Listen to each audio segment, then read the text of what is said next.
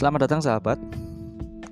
Kali ini obrolan akan saya awali dengan apa ya?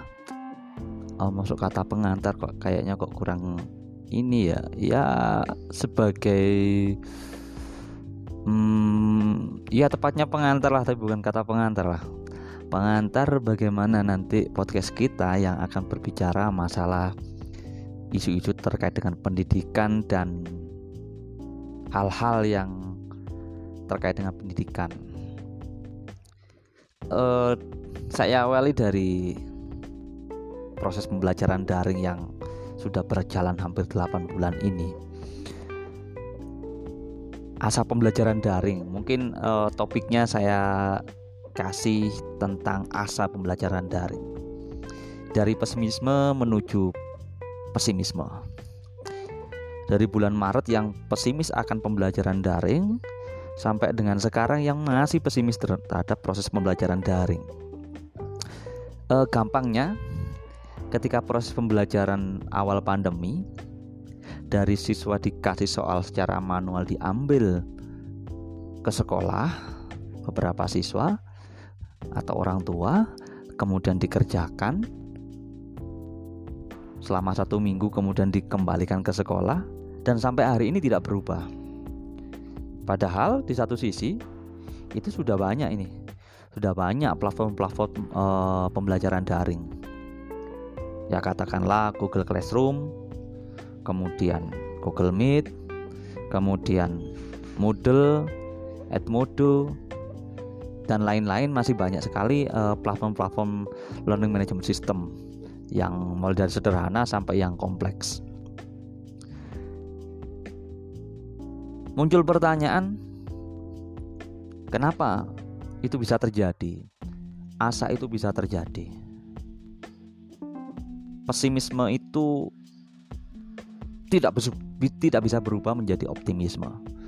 Banyak banyak eh, pertanyaan-pertanyaan yang menghampiri saya terkait dengan pembelajaran daring ini, asa pembelajaran daring ini.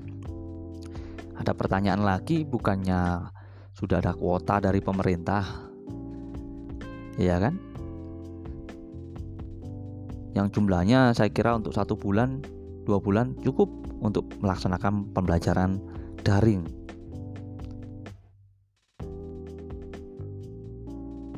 Tapi kenapa kemudian masih belum bisa terlaksana dengan baik?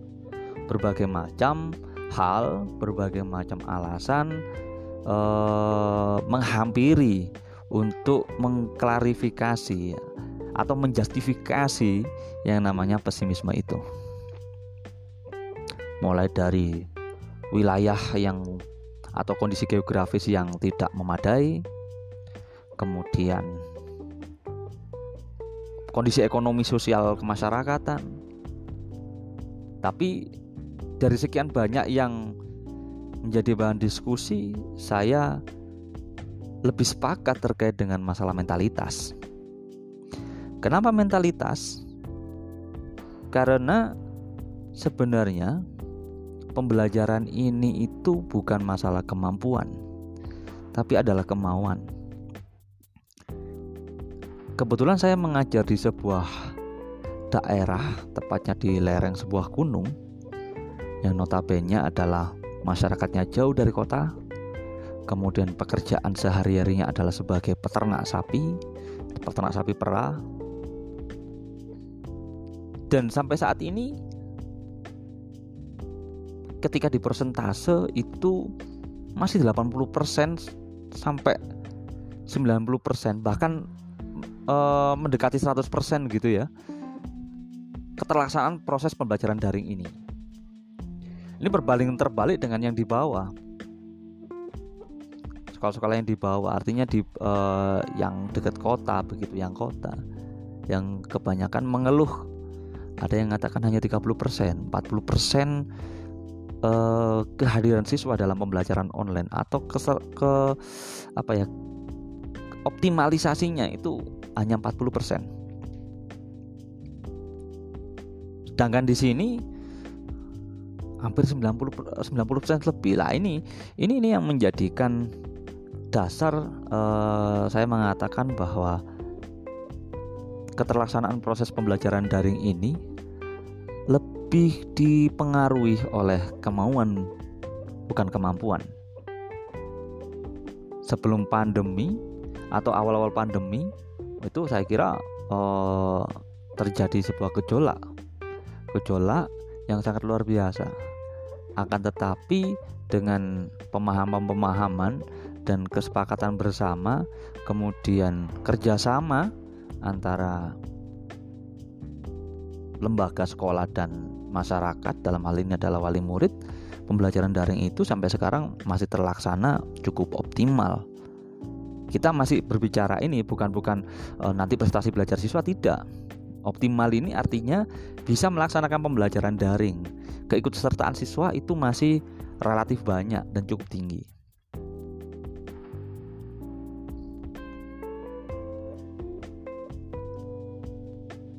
sebenarnya pembelajaran daring ini tidak melulu soal platform. Sudah banyak juga pemerintah-pemerintah daerah yang memiliki televisi lokal itu melaksanakan eh, kelas atau pembelajaran secara daring yang dikonsep seperti di sekolah atau di dalam kelas proses pembelajaran itu. Bahkan kita tahu bahwa televisi Republik Indonesia TVRI itu juga ada program sempat ada program terkait dengan belajar di belajar dari rumah itu. Akan tetapi lagi-lagi tidak maksimal. Kenapa? Yaitu tadi karena kita selalu pesimis. Kita selalu pesimis sehingga apa pun yang kita kerjakan, apa pun perubahan yang kita lakukan itu terus mengalami sebuah hambatan. Hambatan kemudian juga gangguan Sehingga yang terjadi adalah kebanyakan mengeluh. Dari sekolah mengeluh, dari orang tua mengeluh. Karena pertama sudah didasari atas rasa pesimisme.